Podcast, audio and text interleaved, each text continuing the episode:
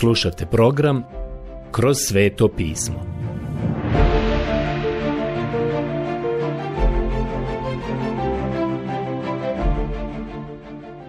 Knjiga Mudre izreke.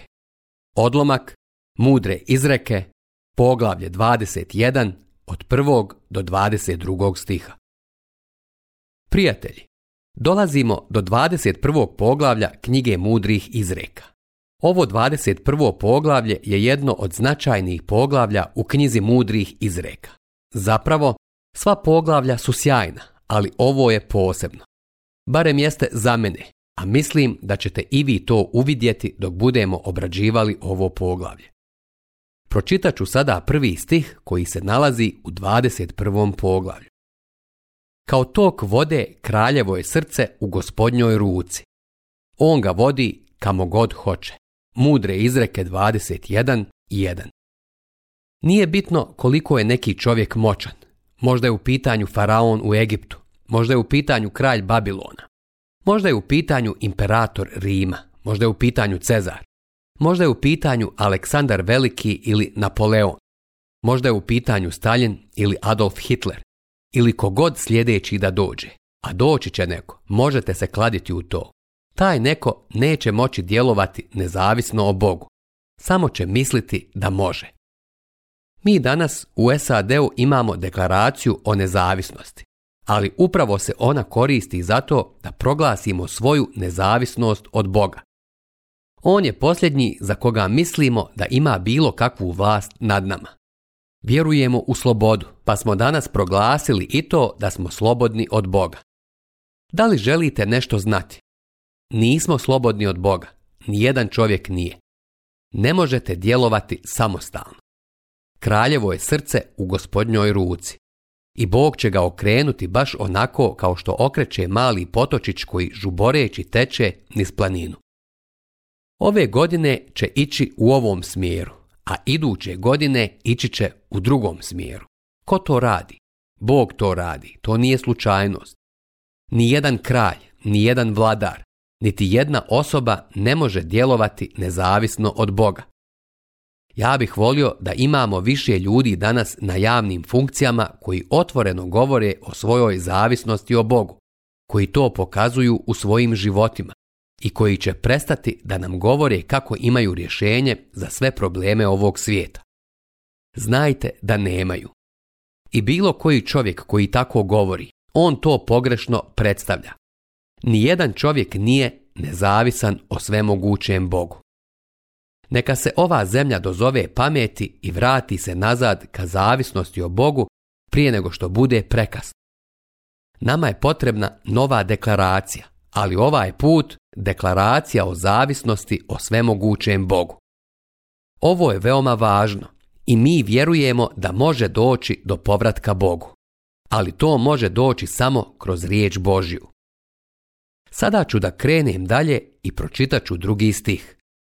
Sve svoje putove može čovjek smatrati pravima, ali je gospodin onaj koji ispituje srca. Mudre izreke 21.2 Ovdje ponovo vidimo da ovdje zapravo imamo problem čovjekove samopravednosti. Toliko je toga rečeno u mudrim izrekama. Kao što sam i zapisao u svojim bilješkama. Čovjek racionalizuje, a Bog ispituje. Bog gleda u vaše srce i ono što ste pokušali uraditi je sljedeće. Pokušali ste ofarbati površinu svoga srca i učiniti da izvana izgleda lijepo. Ja sam član crkve, čak predajem u nedeljnoj školi i služim u odboru i veoma sam aktivan. Da, ali šta je sa vašim srcem? Bog ispituje srca. On nam kaže da je srce toliko pokvareno Ko drugi može tako dobro poznavati ljudsko srce? Da li ste bili kod gospoda Isusa i da li ste mu govorili o očajnom stanju u kome se nalazite? On je veliki ljekar, on je specijalista za srce. On je prvi koji se počeo baviti tim poslom transplantacije srca. On ugrađuje novo srce koje mu može biti poslušno. Pročitat sada treći stih činiti pravo i pravednost. To je milije gospodinu nego žrtva klanica. Mudre izreke 21.3 Ovdje ponovo imamo onu veliku istinu o tome da možete proći kroz vjerski ritual, ali da to nije ono što je dovoljno. Sjetite se da je u starom zavjetu ta žrtva upućivala na Isusa Krista. A sjećate se kako je naš gospod osudio vjerske vođe i farizeje. Njegov jezik je bio veoma oštar. Oni su problijedili. Rekao je kakvi su bili s polja. Izgledate kao okrećeni grobovi. Unutra su kosti mrtvih ljudi. Vi ste poput lijepe, zlatne posude koja je lijepa izvana, ali iznutra ne postoji perilica posuđa koja bi to očistila. Kako ih je samo oštro iskritikovao. Nazvao ih je zmijskim porodom. Bog kaže, želim više pravednost nego li žrtvu. Bog još kaže, Kristova žrtva će vas preobraziti. Ukoliko vas ne preobrazi da donesete dobra djela, a istovremeno govorite da vjerujete Isusu, onda vi zapravo ne vjerujete njemu. Kažem vam prijatelji, riječ Božja ulazi u srž našeg bića, ulazi u dubinu naših duša i to je veoma važno. Dozvolite mi da ponovim ono što smo rekli prošli put. Da ste osuđeni kao kršćani i izvedeni pred sud, da li bi bilo dovoljno dokaza da vas se osudi? Oh, to nas dotiče. Trebalo bi da nas potakne na razmišljanje. Stih 4. Ohole oči i napuhana srca. To je svjetiljka bezbožnika, ali je grijeh. Mudre izreke 21.4 oholi pogled. To je ono kada uđete u crkvu u nedjelju ujutro i vidite neku gospođu ili nekog gospodina. I samo okrenete glavu kako ne biste morali razgovarati sa njima. Neki dan sam bio u grupi ljudi i tamo se nalazio jedan čovjek koji je rekao neke ružne stvari o meni. Ponašao se kao da me uopšte ne vidi. Ohole oči i napuhana srca. To je svjetiljka bezbožnika, ali je grijeh. Želim vam sada reći da taj oholi pogled koji ste možda čak imali u crkvi, možda ga niko nije primijetio, možda taj pojedinac nije obraćao pažnju na to, ali Bog jeste. I Bog je rekao da je takav pogled za njega isto kao kada neko izađe i napije se. U njegovim očima nema razlike između toga. Jednako je loše. Naravno, mi to ne mjerimo na taj način. U drugom dijelu našeg stiha piše To je svjetiljka bezbožnika, ali je grijeh. Sada će neko da kaže Vidite onog čovjeka tamo koji ore. On je veoma marljiv i vrijedan. Treba ga nagraditi za to. Bog kaže da čak i taj čovjek, čak i kada je vrijedan i marljiv, kada ore, ima zlo srce i dalje je grešnik u Božijim očima. Ovo znači da vi ništa ne možete dati Bogu. Da li ste ikada primijetili šta je Bog rekao izraelskom narodu? U poslanici Rimljanima je rekao sljedeće. Braćo, želja je mojega srca i molitva Bogu za njihovo spasenje. Doista im svjedočim da revnuju za Boga, ali ne po pravom razumijevanju. Jer ne priznajući Božju pravdu i gledajući da uspostave svoju pravdu, ne pokoriše se Božjoj pravdi. Poslanica Rimljanima 10.1 do 3 kada se spremate utvrditi svoju vlastitu pravednost, Bog kaže da je to grijeh. Ljudska pravednost je prljava krpa u Božijim očima. To je ono što je rekao, a ovo je demonstracija toga. Sada nastavljam dalje u ovom poglavlju i pročitaću peti stih. Poduhvati marljiva čovjeka donose dobit, ali tko se previše žuri, trpi samo štetu. Blago stečeno lažljivim jezikom jest dah. Ono se otpuše kao zamke smrti. Bezbožnike odnese vlastito nasilje, jer ne žele činiti ono što je pravo. Mudre izreke 215 do 7. Vidite, ono što se ovdje govori jeste zapravo da Bog može koristiti samo bogatstva koja su akumulirana na pošten način. Nije grijeh biti bogat, kako ste došli do novca, to je veoma važna stvar. Bog se brine za vaše bogatstvo, a vi možete biti bogati kao bilo koji čovjek na svijetu, ali nećete moći uživati u svome bogatstvu ako ste ga nepošteno stekli. Imate li utisak da postoje neki bogataši koji nisu baš sretni i koji se baš i ne zabavljaju? Njihovo bogatstvo nije ono što njima treba. Treba im nešto drugo. Postoji priča o Arapu koji se izgubio u pustinji i nije imao ni hrane ni vode i trebao je umrijeti. Onda je taj jadnik vidio paket koji je ispao iz nekog karavana i pomislio je. O, u tom paketu vjerovatno ima datula. Tamo je hrana i možda limenka nečega za piće. Podigao je željno taj paket i onako gladan, drhteći, otvorio ga je i pogledao unutra a onda ga je spustio u velikom razočarenju. Znate li šta je rekao? Uzdahnuo je rekavši. Pa to su samo biseri. U tom trenutku nisu mu bili potrebni biseri. Iako su ti biseri vrijedili pravo bogatstvo, ali njemu u tom trenutku nisu trebali. Samo ih je ispustio. Mogu vam reći da se i vi možete obogatiti, ali Bog kaže da vam to neće biti od koristi ukoliko to ne napravite na pravi način, osim ako to ne koristite za njegovu slavu. Kako je samo dobra ova izreka. Stih 8. Vrlo je zamršen put čovjeka krivca, a dijelo je čista čovjeka pravo. Mudre izreke 21.8. Drugim riječima, vaš će život pokazati kakva ste vi zapravo osoba. Ako ste ispravni pred Bogom, to će se i pokazati u vašem životu. Sada ću pročitati deveti stih. Bolje je stanovati na krovu u nekom kutu, nego biti zajedno u jednoj kući sa svadljivom ženom. Mudre izreke 21.9 Svadljiva žena koja želi upravljati svim i svakim i koja je glasna. Pa iskreno govoreći, zaista bi bilo bolje imati mali kutak negdje na tavanu. I to je istina. Ispričao sam vam već priču o čovjeku u Nešvilu i penzionisanom pastoru crkve. Penzionisani pastor i ja bismo otišli do gradske vijećnice. On je bio član naše crkve i uvijek bi pomenutog čovjeka izvukao iz zatvora. Taj je čovjek bio uhapšen zbog pijanstva, a mi smo ga uvijek i iznova izvlačili.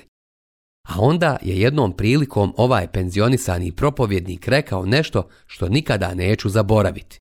Rekao je, znaš, da sam oženjen ženom sa kojom je ovaj čovjek oženjen. I ja bih pio. Iskreno govoreći, bolje je stanovati u nekom kutu na krovu. Ja bih to okrenuo i rekao da važi ista stvar i za ženu koja bi se mogla udati za pogrešnog muža. Moja žena i ja smo neku večer razgovarali o nekim ljudima koje poznajemo i rekli smo kako nam je žao što je ta žena u braku sa takvim muškarcem. Postoje ilustracije za to u Svetom pismu. Kao što znate, Job nije tako dobro prošao sa svojom ženom. David je, sjećate se, bio oženjen Šaulovom kćerkom. Uvijek smo osuđivali Davida, ali on nije imao zajedništva sa njom i u tom braku uopšte nije bilo prave ljubavi. Sjećate se da je ismijavala Davida i da mu je rekla Napravio si budalu od sebe kada si donio kovčeg saveza i kada si tako plesao pred kovčegom, osramotio si sebe i mene. Ukoliko pokažete malo entuzijazma za Boga, zašto bi drugi ljudi bili posramljeni zbog toga? Pročitat ću sada 11. stih. Kad se podsmjehivač kazni, onda luđak mudruje. Kad se mudri poučava, onda on prima znanje. Mudre izreke 21.11 vrlo je važno prihvatiti pouke i lekcije. Trebali bismo naučiti lekcije iz iskustva drugih ljudi oko nas. Stih 13. Tko svoje uho zatvara na jadikovanje siromaha, njemu se neće odgovoriti kad zavapi. Mudre izreke 21.13. Imajmo na umu da je Bog ovo rekao. To je istina ili nije istina, a ja mislim da ćete shvatiti da jeste to istina. Mogli bismo dati mnoge primjere i ilustracije ove izreke u današnjem javnom životu, ali ja to neću raditi. Stih 14. Dar u tajnosti utišava gnjev, poklon u njedrima najžešću srđbu. Mudre izreke 21.14. Sjećate se da je Jakov, kada se vraća u svoj zavičaj, znao da je opljačkao Ezava i mislio je da mu je Ezav neprijatelj jer je čuo da ga on namjerava ubiti. Jakov je tada poslao darove unaprijed da umiri Ezava. Ja želim reći da Jakov to nije trebao učiniti. Bog se pobrinuo za to i to zapravo nije način na koji se to radi. Znate da danas postoje ljudi koji kažu bit ću velikodušan jer ću i sam biti nagrađen ili oprostit ću nekome nešto jer ako to učini, onda ću se zbog toga osjećati bolje. Jane Mershon je napisala malu pjesmu koja to ilustruje i u kojoj se govori o tome da su takve stvari pogrešne. Poslušajte sada. Ako oprostim povredu, jer zamjeranje bi me otrovalo, možda ću se osjećati plemenito. Možda ću se osjećati sjajno, ali to nije baš ono što je Krist namjeravao. Ne nije moramo oprostiti. Zašto? Jer je Bog nama oprostio zbog Krista. To je razlog zašto trebamo biti ljubazni, nježni, opraštati, a ne zato što se tako osjećamo bolje. U tom slučaju imamo niske motive. Čitamo sada stih 15. Radost je pravedniku kada se čini što je pravo, a zločincima je strah. Mudre izreke 21.15 Čovjek koji izađe iz puta razboritosti, brzo će počinuti u carstvu sjena, u carstvu mrtvih.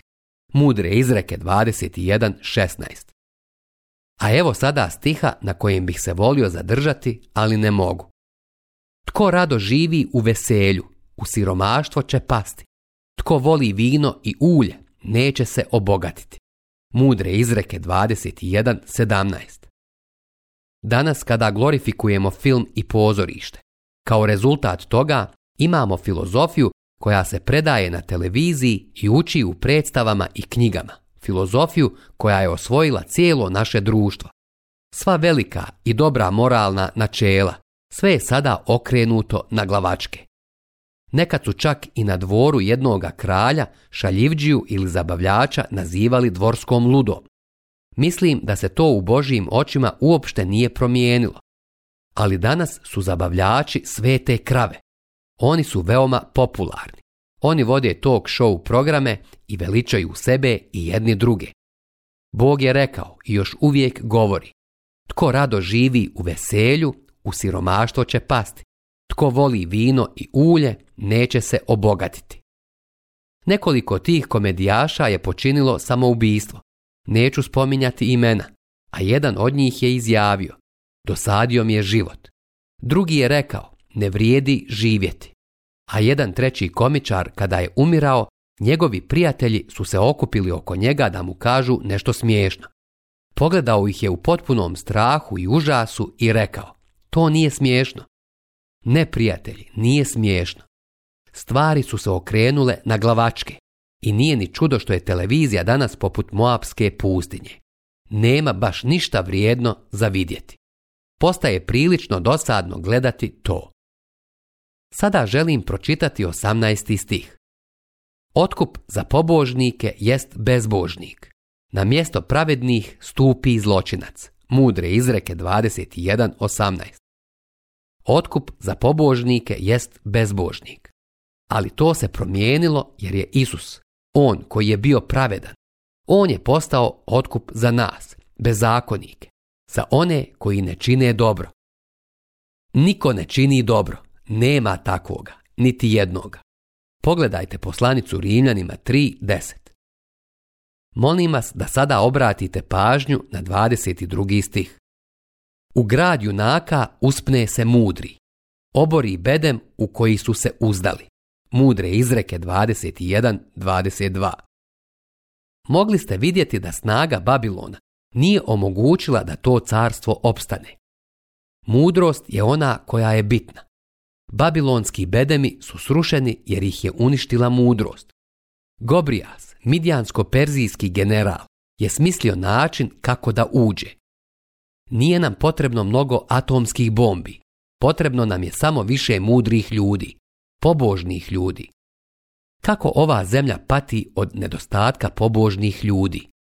Bezbožnici vode i rukovode, a mi smo zbog toga u velikoj nevolji, a ne zbog neke atomske bombe. Nemojte me pogrešno shvatiti. Najvažnije je to da su nam potrebni pobožni ljudi. Mudar čovjek zna kako ući u grad i uništiti moćnike. Ovo je istina. Zauvijek.